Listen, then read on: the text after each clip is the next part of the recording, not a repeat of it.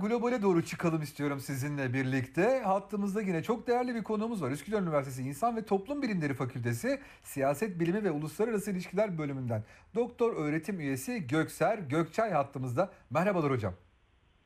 Merhaba, teşekkür ederim davetiniz için saygılar sunuyorum. Ee, hocam şimdi e, çok dolu dolu bir hafta yaşadık yani her şey. Yani bizim hiç zaten sakin bir haftamız yok ama bu haftayı gerçekten dolu dolu yaşadık. Ee, Trump'ın, Amerika'nın yaşadıkları olaylar vesaireler falan falan gerçekten de böyle bizi şaşkına çevirdi. Hiç alışık olmadığımız bir şey. Alışık olmadığımız şeyleri yaşayınca da aslında atmamız gereken adımların neler olduğunu sonrasında tabii tartışıyoruz. Sırasında değil. Siz e, neredeyse sırasında bir e, basın bülteniyle bu fikirlerinizi dile getirdiniz. Dediniz ki Trump'ın sosyal medya hesaplarının engellenmesinde geç mi kalınıldı e, sorusunu gündeme getirdiniz. Buradan başlayalım isterim efendim.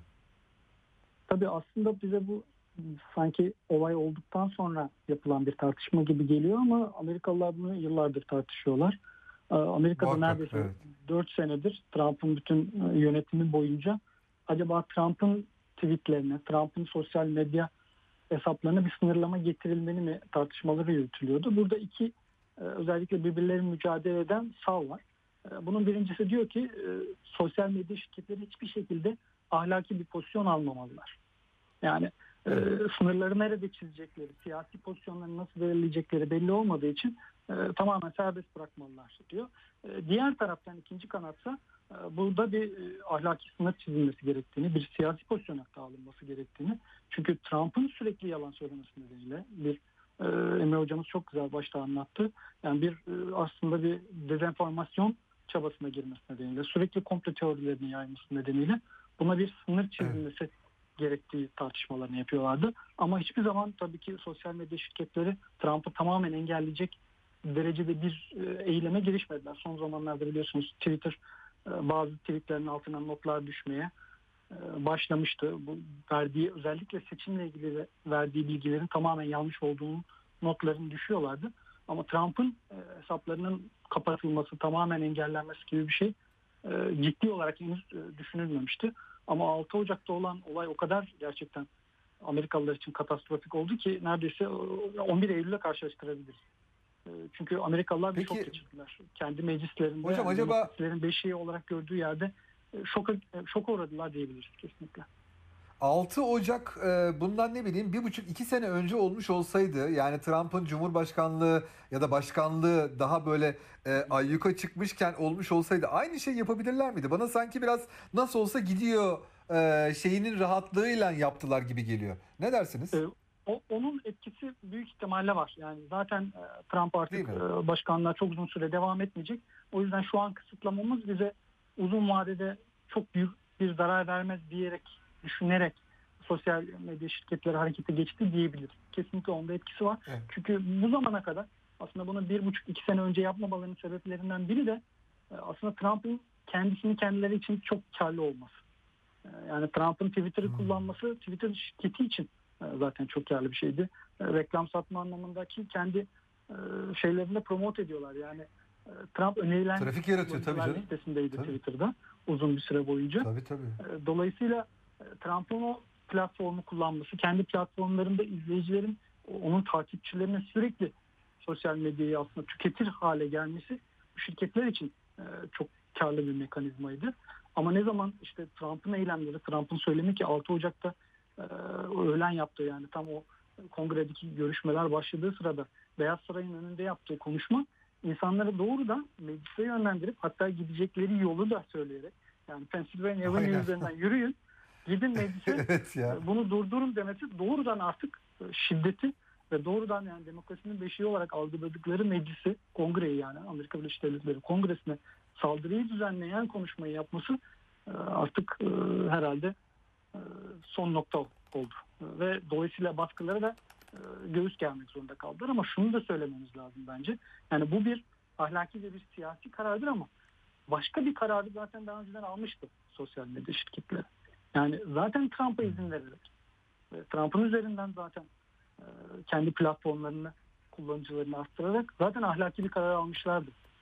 Ama artık baskılar o kadar geldi ki, ki kendi şirketlerinde çalışanlarının yaptığı baskıdan da söz etmeliyiz. Pek o noktaya Türkiye'de parmak basılmadı ama E, Twitter'da, e, Google'da e, ve Facebook'taki çalışanlar yani kendi çalışanları artık kendi platformlarının Trump'a bir olanak sağlamaması, özellikle şiddete teşvik etme, seçimlerin meşru olmadığına dair yalanlar e, ve komplolara devam etmesini e, durdurmasını istedikleri için bu noktaya da geldik.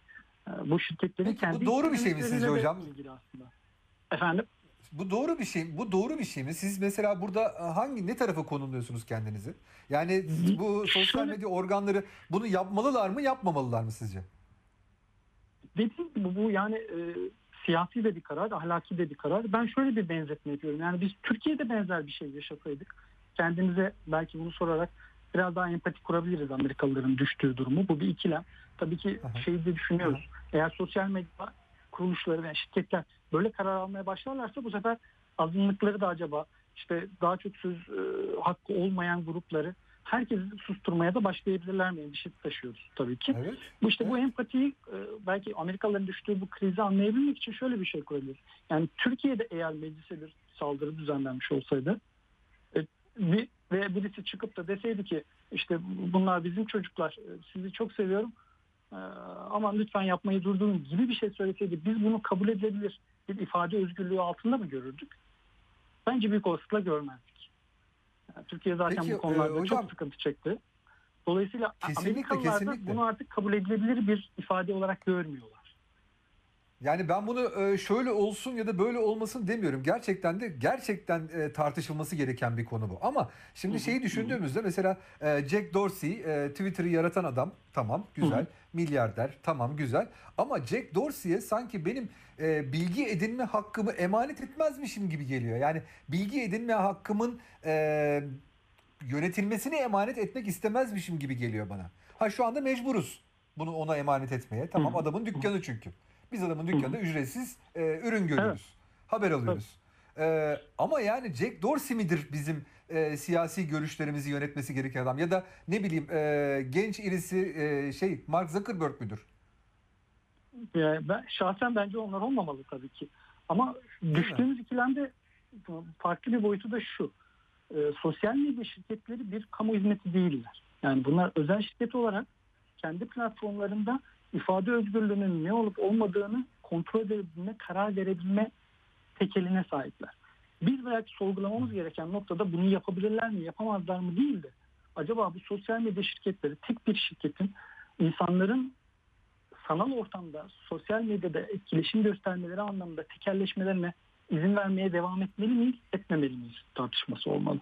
Çünkü kendi Nasıl etmeyiz hocam? Nasıl bunu nasıl engelleriz? ee, İşte bu tartışmalar şey üzerinden başladı özellikle. Facebook acaba parçalanması mı lazım? Yani bu sosyal medya platformu olma anlamında insanların düşüncelerini paylaşma ve hangi düşüncenin paylaşıp paylaşılamayacağını karar verme anlamında tekelleşmeye gitmesi nedeniyle Facebook gibi belki ileride Twitter için de o tartışma yapılacak. Twitter için henüz o kadar e, tartışma yapılmadı ama özellikle Facebook'un belki Instagram'ın ve WhatsApp'a da sahip olması nedeniyle yani insanların anlık mesajlaşma birbirleriyle görsel paylaşma anlamında da yani siz diyelim ki Facebook platformunda siyasi görüşleriniz nedeniyle veya ahlaki görüşleriniz nedeniyle tamamen dışlandınız. Bildiğiniz arkadaşlarınızla mesajlaşma, görseller paylaşma, e, şeyde Facebook'ta gruplarda yer alma bütün olanaklarınızı elde ediyorsunuz. Bu güce sahip olmalı mı acaba belirli bir şirket ve belirli bir şirketin CEO'su? Bu önemli bir tartışma. Amerika'da uzun zamandır yapılan bir şey. Ee, ama bunun tabii ki uygulanması yani bir şirketi parçalamak bir e, anti tekel kanunlarına göre böyle bilmek çok çok büyük bir şey.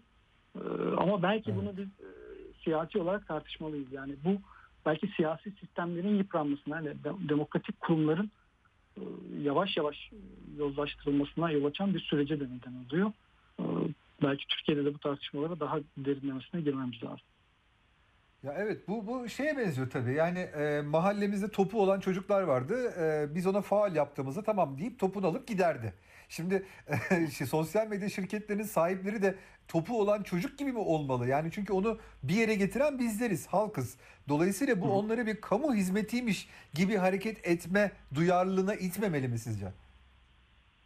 E, itmeli ama o kararları, o işte o duyarlılığın e, mirengi noktası ne olacak? Neye göre karar verecekler? E, onun tereddütünü yaşıyoruz. Zaten fikrim aslında. Evet. bu noktaya gelene kadar yani çok büyük bir güce sahip, çok dünyanın en önemli pozisyonlarından birine sahip olan bir kişi platformuna edildikten sonra tartışmaya başlıyoruz. Halbuki bugüne kadar e, Twitter'da, Facebook'ta birçok siyasi grubu, birçok grubu ahlaki sebeplerle veya farklı sebeplerle platformundan atıyordu. Yani sansürleme anlamında zaten başından beri geçmişlerinde e, ve baskıcı yöntemler uyguladıklarına kendi şirket çıkarlarına uygun hareket ettiklerini söyleyebiliriz. Bunun Trump Doğru. üzeyinden e, tartışılması aslında sosyal medya konusunda bizim belki artık çok daha boyutlu bakmamız gerektiğini hissettiriyor bana. Aynen öyle. Yani şimdi tabii e, ortada şu anda tartıştığımız şey Trump olduğu için yapılan her şeyi biz doğru olarak algılıyoruz. Çok güzel diyoruz. Ya evet ya Trump'ın böyle bir şeyler yapılmalıydı. Ama yarın öbür gün size, bana işte ne bileyim e, daha sevilen bir karaktere bunu yaptıkları zaman e, o zaman nasıl sesimizi çıkartacağız? Ya burada sesini çıkartmamıştın. Şimdi burada neyi konuşuyoruz o zaman arkadaş? Dedikleri zaman ne cevap vereceğiz? Bu cevap hakkımız elimizden alınır mı? Bu beni korkutuyor biraz hocam. İşte ama aslında zaten fiilen oluyor. Yani şu an birçok e, Amerika Amerika özelinde anlatayım. Birçok işte Black Lives Matter yani özellikle Afrika Amerikalıların evet, evet. E, kendi evet. siyasi gruplarının kapatıldığını, e, bazı paylaşımların engellendiğini görüyoruz Facebook gruplarında. Bazen Twitter'da engellendiğini görüyoruz. Yani Twitter gibi kuruluşlar hükümetlerden yargı kararları geldiğinde bazı hesapları kapatabiliyorlar. Şimdi bunları da işte o acaba ifade özgürlüğü nasıl olmalı tartışmasının içine dahil etmemiz lazım. Mesela sadece devlet başkanlarının veya belli kişilerin e, dezenformasyona girdikleri için veya şiddeti insanları yönlendirdikleri için engellenip engellenmemeleri değil. Zaten Doğru. fiiliyatta bir sansür kuruluşu gibi de çalışıyorlar bu sosyal medya kuruluşları. Evet evet ve sansür yapmaya muktedirler mi, muktedir değiller mi? Bu da tartışmaya açık değil tabii. Yani içinde kaç tane okumuş yazmış adam var, hoca var filan falan. Bunlar ayrı. Ya bir de e, tabii işin şu tarafına da bakmak istiyorum ben. Yani yaptıkları şey mesela Twitter kapatılacağız dediği zaman aman kapatmayın dediğimiz zaman biz sanki Twitter'ın her şeyini e, güzelliyormuşuz, savunuyormuşuz gibi bir şey çıkıyor ortaya. Hayır. Twitter'ı en çok eleştirenler yine bizleriz yaptığı işlerden yola çıkacak olursak. Yani mesela Çin, Rus vesaire gazetelerin üstüne bunlar devlet televizyonudur arkadaş. E, State Affiliate Media yazıyorlar. Ama mesela aynı şeyi ne bileyim Deutsche Welle'ye, Ajans France Presse, e, Voice of America'ya vesaire yapmıyorlar mesela. Ya eskiden mesela geleneksel medya kuruluşlarını kullandığımızda o medya kuruluşunun belli siyasi pozisyonu üzerinden veya e, orada çalışan kişilerin en azından alanlarında gazetecilik anlamında olsun e, medyayı kullanım anlamında yetkin olduklarını bilerek o sosyal medya kuruluşlarına katılırdık. Ama e, yani normalde medya kuruluşlarını takip ederdik diyorum. E, ama sosyal medya içerisinde öyle bir damıtma, öyle bir filtreleme olanağı olmadığı için bu sefer bu sosyal medya e, kuruluşları aracılığıyla insanlar kendi balonları içerisinde e, bu sefer düşüncelerini değiştirmeye, belki onlar üzerinden beslenmeye başlıyorlar. Bunun getirdiği evet, şey evet. tabii ki aslında daha radikalleşmeye yol açıyor. Çünkü sizin gibi düşünenler, e, sizin gibi davrananlar, sizin gibi paylaşım yapanları sürekli takip ettiğiniz için ve sosyal medya kuruluşları da bunu kabul edilebilir gördüğü için. Hatta siz kendi mahallemizde kalıyoruz değil mi hocam? Tabii bunun kalmasının da şöyle bir etkisi var. Bu sosyal medya şirketleri için çok karlı bir şey. Çünkü daha fazla kullanmış olursunuz. Hani son zamanlarda çıkan var ya tabii, teknolojik anlamda Infinite Scroll gibi şeyler var. Yani sürekli size yeni evet. bir e, içerik sunarak böylece sizi o sosyal medya içerisinde daha bağlıyor. Ama siz daha önceden girdiğinizde o söz, söz ettiğiniz gibi yani bir devlet medya kuruluşu mu, özel medya kuruluşu mu, e, hangi siyasi görüşe aşağı yakın onun üzerinden girerdiniz ama başka medya kuruluşlarından da girme. En azından belirli e, enformasyon kuralları anlamında damıtılmış yani o filtrelenmiş bilgilerden geçtiğini bilirdiniz. Ama şimdi artık öyle bir olanağınız yok. E, dolayısıyla her tür şeyle karşılaşabiliyorsunuz ve insanlar genelde e, komple teorisi var şeyler gördükleri zaman Emre Hocam ondan biraz daha bahsetti tabii ki o e, onların da uzmanlık alanına giriyor ama şunu söylemek istiyorum. E, bu tip bilgilerin yer alması sosyal medyada daha çok kullanma, kullanılmalarına yol açıyor. İnsanların çünkü hoşuna Doğru. gidiyor. Kolay cevaplar. Siyasi olarak onlara hemen yaşadıkları sorunları, yaşadıkları tereddütlerle, tedirginliklerle ilgili hazır Hap siyaset diyoruz buna değil mi hocam? Siyasi olarak insanların hoşuna gidiyor.